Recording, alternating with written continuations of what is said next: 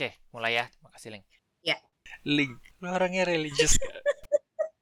Pada fase awal-awal kehidupan gue sih gue religius, asli. Cuma ada pergeseran kali ya beberapa hal yang kadang-kadang gue suka miss gitu. Dan orang menganggap gue nggak terlalu religius gitu. Secara lu gak kerudungan juga ya? Gue pertama mikir lo, Apa? gue pikir lo eh, Buddha lo maksudnya. Sahabat-sahabat gua pas kuliah Buddha Bu- Buddhis Eh, taunya lo uduan sholat gitu. Gue agak kaget juga sih. Tapi kan memang itu sih kalau orang Jawa bilang kan orelo gitu lah ya. Nanyain hal-hal yang sifatnya religion gitu. Karena kita Eastern. tapi gue juga emang gue juga nggak nggak religious gue Oke, gu- gue sih waktu dulu iya, tapi begitu gue dalam fase perkembangan hidup gue, gue develop ya, maksudnya gue berumah tangga gitu, gue gue sekolah gitu, kita banyak bersimpangan dengan banyak orang gitu kan, jadi ada pergeseran juga, tapi bukan berarti gue keluar dari keluarga gue udah garisin gitu aja sih, tapi if you are asking me are you religious, nggak sereligious. Eh, eh, B aja lah.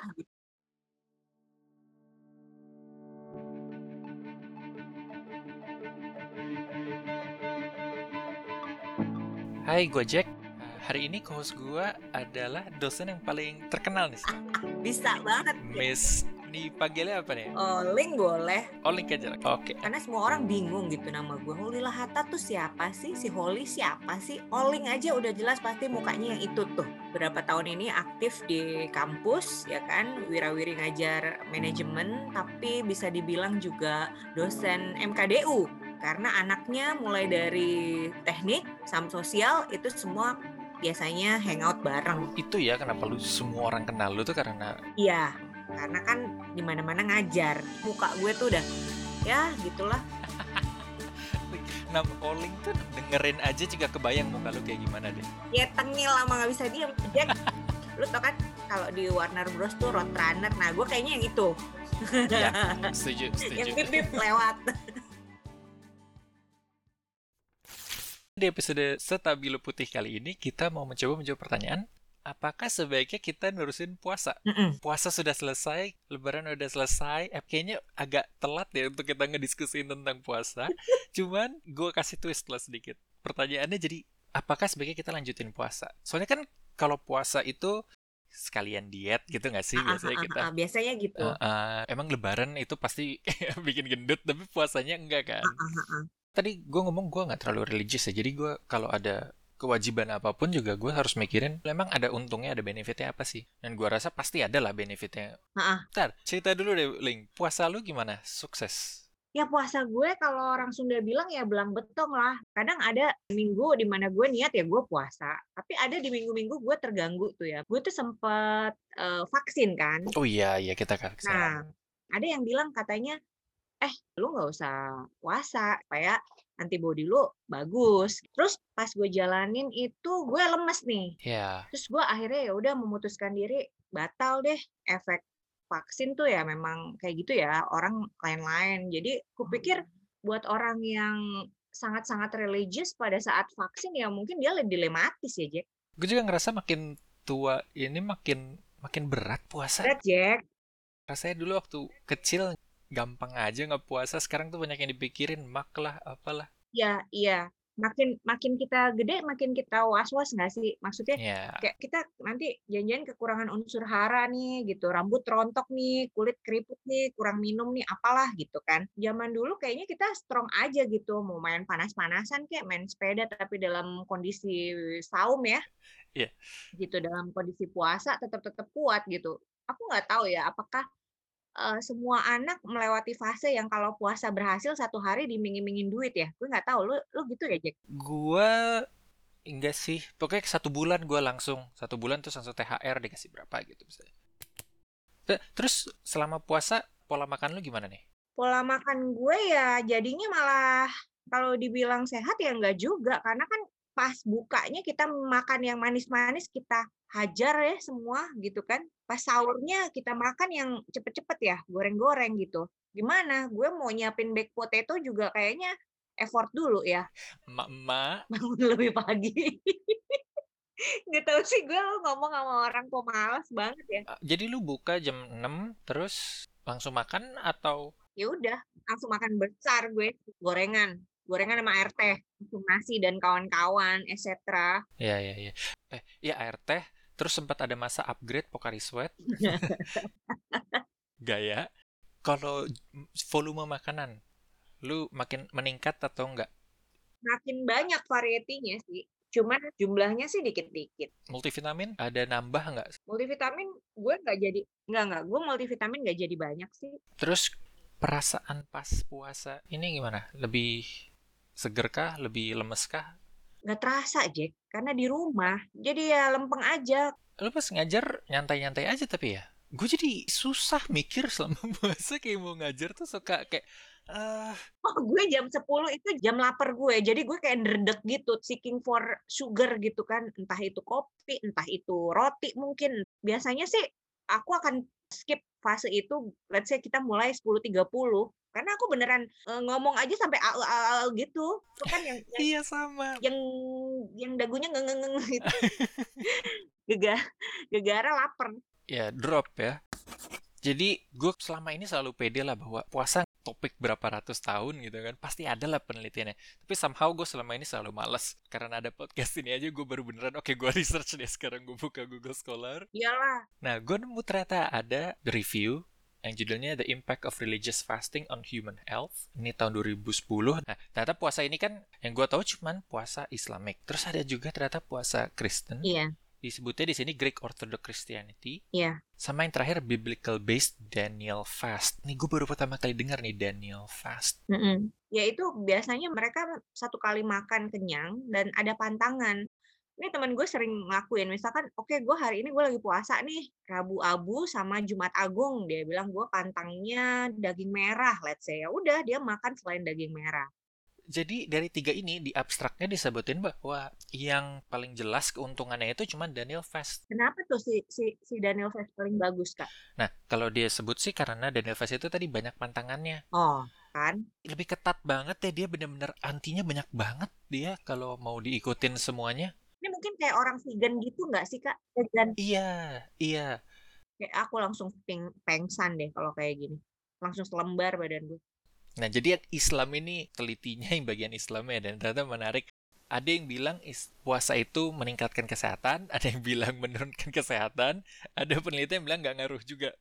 Dan itu, jadi kan kayak, lah mana mungkin gue tiga-tiganya gitu kan. Iya, pasti salah satu ya. Nah, tapi ternyata puyang banget, apa atau nggak mungkin bisa diteliti karena setiap daerah itu kulturnya beda. Terus hasilnya ya kesehatannya juga beda kan dong. Nah, contohnya aja kita punya kultur buka puasa dengan yang manis-manis. Mm -mm, benar, cendol, kolak, kakak. Tapi pas gue umroh deh, puasa di sana nggak dikasih barang yang semanis itu juga. Biasa aja kan? Malah mereka buka dengan apa, Jack? Biasa aja kan ya. Nah iya. Nah itu karena kita buka yang dengan yang manis ini, itu yang bikin kita justru bulan puasa kita jadi nggak sehat. Itu kita kemakan iklan atau gimana ya? Apa emang karena kultur kita Jawa ya? Kayak ya. Kan ada iklan yang berbuka dengan yang manis tuh, entah teh botol sostro, entah eh gue sebut lagi, entah sirup yang merah gambar kelapa itu gitu kan. Mungkin sih ya. Iya. Biasanya sih kalau ada kultur-kultur aneh tuh dari iklan terus ya. Biasa juga dari rumah sih, bisa juga dari kebiasaan keluarga ya. Ada keluarga yang biasanya memang mereka eh minum teh manis anget nih supaya kuat gitu kan supaya nggak kaget lambungnya habis tiban deh gorengan yeah, gitu yeah. kan risoles, abis gitu mie ayam, kan gitu. Ntar terawih dikit cendol, kalau enggak es campur. Aduh, seluruh deh. Ya itu sih kesannya emang tergantung dietnya kita. Di, di India juga punya culture beda lagi, Pakistan beda lagi. Apalagi kalau puasanya di negara-negara barat gitu ya, misalnya yang kulturnya yang nggak ada perasaan, oh bulan puasa kayak kan. Apalagi yang puasanya jamnya lama tuh, aduh. Nah, itu juga bikin bingung ternyata. Nah, gimana? Karena puasa kan kalau udah lebih dari berapa jam nggak minum itu ya itu tadi lu bilang kan kulit mengering. Iya ya bisa hipoglek apa sih hipoglikemia eh itu kekurangan gula kayak kalau kekurangan air dehidrasi aja deh. Bahaya sih. Gue baca-baca penelitian lain lagi kalau fasting in general aja ya, jadi bukan religious fasting.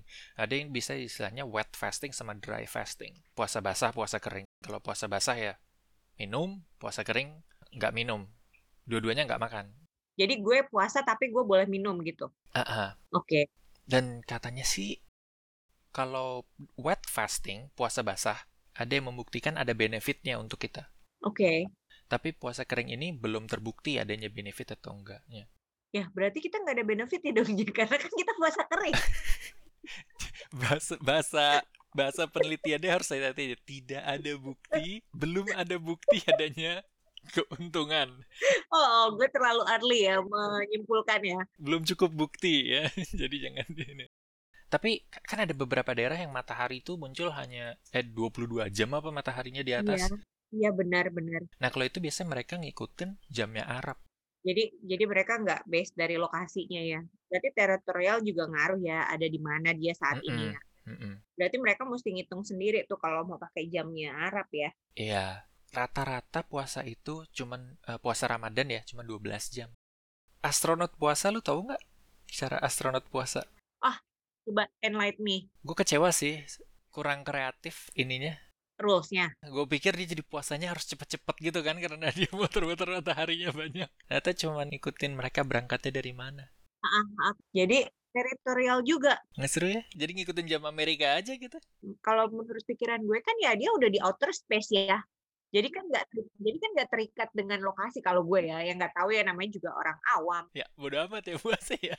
Tapi menurut gue sih ya kesian aja sih kalau dia berangkat dari pangkalan yang lama. Nah loh gue mau kenalin lu sama ada penelitian ini namanya Minnesota Starvation Experiments. Wow. Ini penelitiannya Amerika Minnesota ya. Di Perang Dunia Kedua. Jadi ini infonya agak simpang siur, cuman intinya mereka pengen tahu pengaruh lapar itu apa sih. Eh, katanya sih pengen mastiin semua daerah-daerah yang habis perang ini mana dulu sih yang harus mereka bantu. Kasarnya ini satu grup ini nggak apa-apa lah udah biarin kelaparan biarin aja deh ya, banget sih mereka bikin prioritas jadi mereka dahuluin yang mana gitu risetnya satu tahun uh -uh. jadi puasanya itu ya kayak dietnya di restrict lah ada banyak ada beberapa fase makan normal terus dikurangin makannya dikurangin lagi dikurangin lagi gitu kan eh, terus gimana Jack hasilnya Jack hasilnya mereka pokoknya semua mental health turun lah apa anxiety meningkat depression meningkat gitu gitu dari 100 orang ini ya kalau salah. Mm -hmm. Bisa dibilang mereka gila. Serius? Di report ada dua orang yang bahkan didiskualifikasi karena mereka mulai ngambil makanan dari tempat sampah gitu. Oh my god, udah starvation banget kali. Saking kelaparannya. Iya, kurasa bisa juga ya orang jadi berhalusinasi karena kekurangan tertentu atau jadi gizi buruk gitu ya karena memang dipaksa untuk gizinya sebenarnya nggak buruk. Kelaparan tapi kan jadinya nyari. Ya aku juga dalam hitungan hari juga nyari apalagi yang dalam hitungan tahun kak gitu. Ini ini dasar-dasar dari penelitian yang kenapa kayaknya oh gila. Ini berarti makan itu penting banget karbohidrat itu penting banget semua dikasih karbohidrat. Makanya kita juga gue nggak nggak terlalu dapat penelitian tentang Indonesia persis sih. Cuman biasanya keputusan-keputusan Indonesia tuh lumayan mirip dengan Amerika nggak sih? Kita juga ketularan dengan empat sehat lima sempurna kita yang karbohidratnya banyak. Iya. Kita kan juga banyak juga orang-orang yang obes gara-gara gula gitu kan. Minum juga kita agak-agak mengarah berkiblat ke situ ya gula-gula ya soda-soda gitu ya sebelum kita sadar ya ngikut situ ya gitu mirip-mirip kayak gitu itu ngikutin ya lumayan ngikutin Amerika kan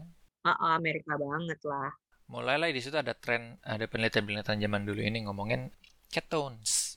Banyak nih ketones. Tahu keto, mm -mm. tahu aseton ya. di antara keduanya ketones. Dulu orang mikir ketones ini jelek nih, kayak ini hasil pembakaran yang jelek. Iya. Setara dengan kayak karbon monoksida gitu kan jelek ya dibandingkan karbon dioksida. Akhir-akhir ini kita uh, mulai sadar lagi bahwa eh, kayaknya ketones ini enggak nggak jelek deh justru ketones ini penting justru bagus ini gue waktu SD tuh suka dodol nggak malu nanya gitu deh padahal gue pengen nanya ini dulu oke tanya tanya dulu waktu pelajaran biologi kali biologi lah uh -uh. Orang lapar perlu makan gitu kan. Tapi gue dulu penasaran. Kalau tidur kita kan nggak makan lebih lama tapi kan nggak lapar selama tidur. Iya. Eh, bangun pun sebenarnya gue nggak perlu sarapan biasanya. Benar. Langsung jalan aja gue nggak masalah. Iya gue juga nggak masalah. kenapa? Kenapa? Kenapa? Itu ternyata itu ketosis itu. Aku juga orang yang bukan bangun tidur sarapan sih. Zaman dulu jalan-jalan aja kita waktu SD ya kuat-kuat aja jadi badan kita itu uh, kasarnya ini karena gue juga bukan orang nutrition, Mm-mm. tapi yang gue pahami dari riset ini bahwa badan kita ini ada pilih-pilihan antara dia mau ngeproses gula atau ngeproses lemak. Nah, kalau gula ini kan bisa didapatin dari karbohidrat, bisa didapatin dari ya menggula beneran. atau buah-buahan ya Pokoknya jadi karbo lah semuanya. benar Nah, kalau badan kita udah terbiasa banget ngeproses itu, dia jadi kayak lupa gitu loh gimana caranya ngeproses lemak. Mm-mm. Hasilnya lemaknya jadi cuman eh, tertimbun. jadi bisa ya badan tuh lupa ya Jack Jadi kayak lupa, iya. Ya, ya emang badan ini dodol kan kita vaksin aja harus dua kali karena dia lupa. Iya nggak? bener sih ulang-ulang terus ya setahu gue kalau kita puasa katanya dideskripsiin lambung tuh mengecil Iya. tapi kan kalau udah emang orangnya gede udah banyak konsumnya bisa lebar Itu kali bener. Lambung kalau kalau selama bulan puasa itu lambung bisa mengecil kalau ya itu badan kita udah mulai paham bahwa apa yang diolah nih yang biasa kita makan cuma segini kok. ah Itu hormon-hormon kita juga ngikutin. itu kayak filing baru lagi gitu kali ya Ah, ah, kayak misalkan jejak rekam pola makan yang let's say kalau aku puasanya eh, benar-benar carefully chosen pick makanan yang memang bernutrisi buat badan aku nutrisi Nah, itu dia ngerekordnya ya itu gitu kayaknya Iya. dan dia udah lupa gimana caranya yang lain Mungkin kita nggak usah mikirin nutrisi deh, karena nutrisi itu biasa susah untuk dibayangin ya. Ini aja jadwalnya dulu deh. nah Beberapa minggu setelah puasa lu harusnya eh, maghrib itu harusnya udah lapar. eh gue belum lapar Jack tapi Lu biasa makan maghrib padahal. Iya, tapi Nah, setelah puasa itu gue bisa nggak merasakan lapar tuh, nggak tahu deh. Malah jadi gue suka lupa minum kak. Ya lu tau nggak rekor dunia puasa terlama? Gimana? Nih, gua tunjukin fotonya deh. Gue sih nggak pernah nyari yang gitu. Gue taunya peme- rekor pemegang eh, touch the car paling lama di Mall Taman Angkasa. Dia makannya tetap dikasih vitamin dan segala macam ya. Jadi eh, dietnya tetap sehat. Tapi ini sefoto sebelum dan foto sesudah. Angus Barbieri, ya ampun. 382 hari. Dari tahun Juni 65 sampai Juli 66. Lama banget. Ini eh, ini kan setelah si starvation experiment itu ya. Jadi di masa-masa itu kita percaya bahwa aduh fasting itu jelek lah kita harus makan makan makan karbohidrat itu penting. Nah terus dia terjadi ya orang-orang mulai kayak ini orang bisa nggak makan satu tahun. Berarti ada suatu ada asumsi yang salah lah dari teori-teori itu. Iya, sebenarnya gini sih, kalau bisa manage eh, eh, puasa bisa dilakukan, tapi untuk orang yang memang fit gitu ya. Tapi kalau dia dalam kondisi nggak fit, mendingan jangan deh gitu. Masa-masa pandemi gini kan bijaksanalah gitu loh pada diri sendiri ya. Kalau aku sih ya yang jadi alarmnya ya diri kita sendiri aja. Kalau aku Yes. kuat nih kayaknya aku aku oke nih aku bisa nih tapi kalau aku nah tengah hari kita disuntik terus tiba-tiba efeknya kelengan aku bilang aduh kayaknya nggak bisa nih nggak bisa sampai Bagus, selesai ya bagus. udah nggak apa-apa Leng. jangan terlalu keras gitu loh sama diri sendiri kayak gitu Jack daripada ntar kita nyusahin orang terus kenapa-napa kan kita nggak tahu juga gitu udah buka buka Ini nggak di Indonesia doang ya, tapi di Ha-ha. di Amerika ini ada culture di mana yang ngomongin badan lu tuh nggak tahu kapan lu lapar, badan lu tuh nggak tahu kapan lu aus. Lu harus ngikutin rutinitas yang kita buat aja makan pagi, makan siang, makan malam. nggak semua orang kayak gitu kan Nggak semua orang harus ngikutin fase kayak gitu, nggak semua. maka itu berarti kan apa ya bisa dibilang biological time ticking-nya orang beda-beda kan hanya saja orang kita kan kiblatnya gini eh udah jam 12 nih kita makan dulu Jack gitu eh udah jam 4 nih kita ngopi dulu kita sendiri kan yang yang gini. Bisa jadi aku ngopinya tuh harusnya jam 10 tadi pagi buat aku kerja gitu kan. Sementara aku jam 4 udah nggak perlu lagi karena aku udah mau slow down gitu udah mau istirahat gitu udah nggak harus makan banyak lagi. Let's say cuman buah-buahan aja gitu ya kan? Oke, kita break dulu sebentar ya, kita lanjutin setelah pesan-pesan berikut ini.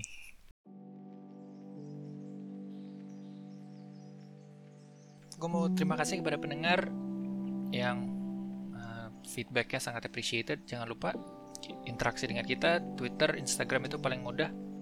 Jangan lupa semua jurnal, kalau mau baca lebih lanjut, semua jurnalnya ada di deskripsi. follow Instagram, Twitter, YouTube Stabilo Putih ada E-nya.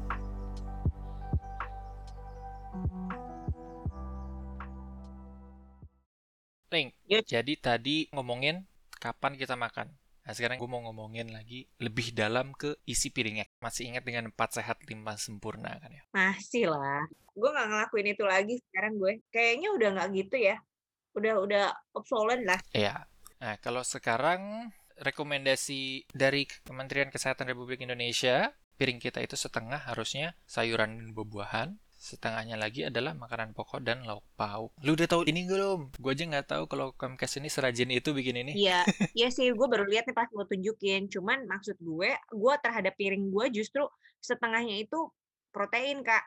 Oke, ya itu itu juga bagus. Yang penting nggak boleh bangga kalau kita makan porsi kuli. Ah, ah, makan indomie sama nasi. Oh, sama sambelnya banyak. Itu masih ditemukan terhadap anak-anak SMP SMA loh. Ini juga satu hal yang dulu waktu pelajaran kimia pengen gue tanyain, tapi gue nggak berani nanya. Tanya Jack sekarang. Karbohidrat, gula, nah, nah kayak nasi, mie, mereka sama aja ya sebenarnya. Eh, ada karbonnya, ada C, ada H, ada O-nya. Jadi gue asumsi aja waktu dulu, oke beda lah. Udah beda, gue nggak tahu kenapa beda, cuman orang sucrose, fructose. mikirnya itu beda, oke gue bedain. Ternyata itu sebenarnya nggak nggak beda jauh. Cuma sumbernya dari mana gitu doang paling. Dan ternyata mereka nggak terlalu beda karena ujung-ujungnya ya mereka akan jadi glukose. Yang membedakannya dia adalah kompleksitasnya. Mungkin lo pernah dengar istilah karbohidrat kompleks, karbohidrat simple. Pernah, Pernah, dengar itu pernah. Kalau karbohidrat kompleks tuh yang susah dipecah ya. Ya, Kalau yang itu yang gampang gitu. yang lebih baik yang kompleks atau yang simple? Kalau gue bilang sih ya namanya karbo ya tergantung ya. Kalau orang-orang yang sehari-hari yang sukanya nyender, tidur-tiduran, I think makan ubi jalar aja tuh. Yang paling simpelnya itu gula paling simpel kan ya gula. Iya. Heeh, bener-bener gula. Terus beras itu lebih kompleks, makin kompleks lagi tadi singkong. Udah sayur, fiber itu juga ujung-ujungnya jadi glukos juga sih kalau badan kita memprosesnya. Nah, jadi kalau semakin simpel itu semakin manis di lidah. Kalau simple semakin manis ya justru ya. Nah, semakin manis dan semakin gampang dicerna oleh tubuh. Oke. Tapi dicerna oleh tubuh itu belum tentu baik. Karena artinya lu cuman bisa makan dikit. Bener. That's why orang diet yang mengatur pola makan beras merah ya. Nah, eh, kalau sekarang itu ini yang gue coba untuk di, ini eh, cauliflower rice. Oke. Pakai itu kembang kol. Itu kan jadi jatuhnya fiber ya. Tapi lo nggak kembung ya? Ada kan orang yang memang dia nggak ASEAN ya, maksudnya dia nggak bisa dengan si kembang kol itu. Enggak sih. Kalau dicampur di nasinya dia, Oh enggak, gue nggak campur nasi. Itu aja. Oh oke, oke, Jadi itu jadi pengganti karbo. Hahaha, bisa juga sih. Iya iya, gue juga waktu itu pernah lihat, lo kok makannya begini? Dia dia fooling around matanya, bahwa itu ya udah nasi telan aja gitu. Jadi intinya cuman justru kalau di dunia diet ini ternyata Ha-ha, lu pengen karbo lu sekompleks mungkin biar nggak diserap tubuh. Oke, Biar kita makannya bisa lebih banyak. iya iya iya, lucu juga sih. Jadi lu makan sebanyak apa pun tapi nggak diserap tubuh lewat doang gitu. Tapi lu, Lewat doang, jadi di nah oke, our stomach rasanya full gitu kan. lambungnya penuh. Iya. Tuh, Oke, keren juga sih Jack. Nah, sekarang ngomongin ini yang sebelah kanan ini buah-buahan dan sayur-sayuran. Gue makan buah tuh di awal kak. Nah, itu ada yang ngajarin gitu ya. Tapi ada juga sekarang yang ngomong buah itu bahaya. Di awal. Bukan masalah di awalnya udah bahaya titik. Kayak apel itu bisa dibilang nggak boleh. Oh gitu. Apel itu jangan-jangan no no no. Jadi eh, buah yang ada di pasar sekarang itu kayak udah di eh, tunggu istilahnya apa sih? Crossbreed atau apa sih saya seleksi seleksi pilihan. Jadi kan yang manis kan lebih enak tuh. Ya, saking manis-manis manisnya jadi kebanyakan gulanya juga. Oh my god, Jack. Kalau gitu gue udah langsung gue lokal deh buahnya. Gue sering banget gitu loh beli-beli apel tuh. Lo tau kan yang apel yang garing tuh yang en, apa sih? Artinya itu bikin gendut aja sih kalau lu mau ngurungin karbohidratnya. kan pasti ada zat-zat lain yang sehatnya. Jadi sebenarnya sayuran ini kan sebenarnya hanya kompleks karbohidrat yang gak bisa diproses sama badan. Jadi sebenarnya satu piring ini sebenarnya untuk mengelabui Perut. perut kita aja untuk kenyang tanpa tanpa kebanyakan karbohidrat, eh ke- kebanyakan gula. Kemarin kita ngomongin detox ya. Detox bagus. Ada riset penelitiannya dilakukan di Korea. Tapi detox juga macam-macam kan, Jack? Uh, ini dia detox nggak makan tapi dia minumnya jus. Hmm, ya benar. Tapi pas dibaca ya sebenarnya prinsipnya kenapa detox itu bagus balik lagi ke ini ke masalah insulin resistance masalah uh, keuntungan yang sama yang didapatkan dengan keto yaitu ya kita ngingetin badan kita bahwa eh lu tuh nggak perlu ketagihan sama gula lu tuh bisa proses lemak juga kok. Jadi kita detox nggak? Ayo kapan? Mulai nih beli-beli seledri beli-beli carrot. Masalahnya yang perlu dipastikan selama diet ini yang gue takutin adalah ketika gue stop makan gue nggak dapat nutrisi yang diperlukan. Nah untuk orang-orang yang penelitian ini yang mereka dikasih eh, multivitamin multivitamin dan segala macam pil-pil yang segala macam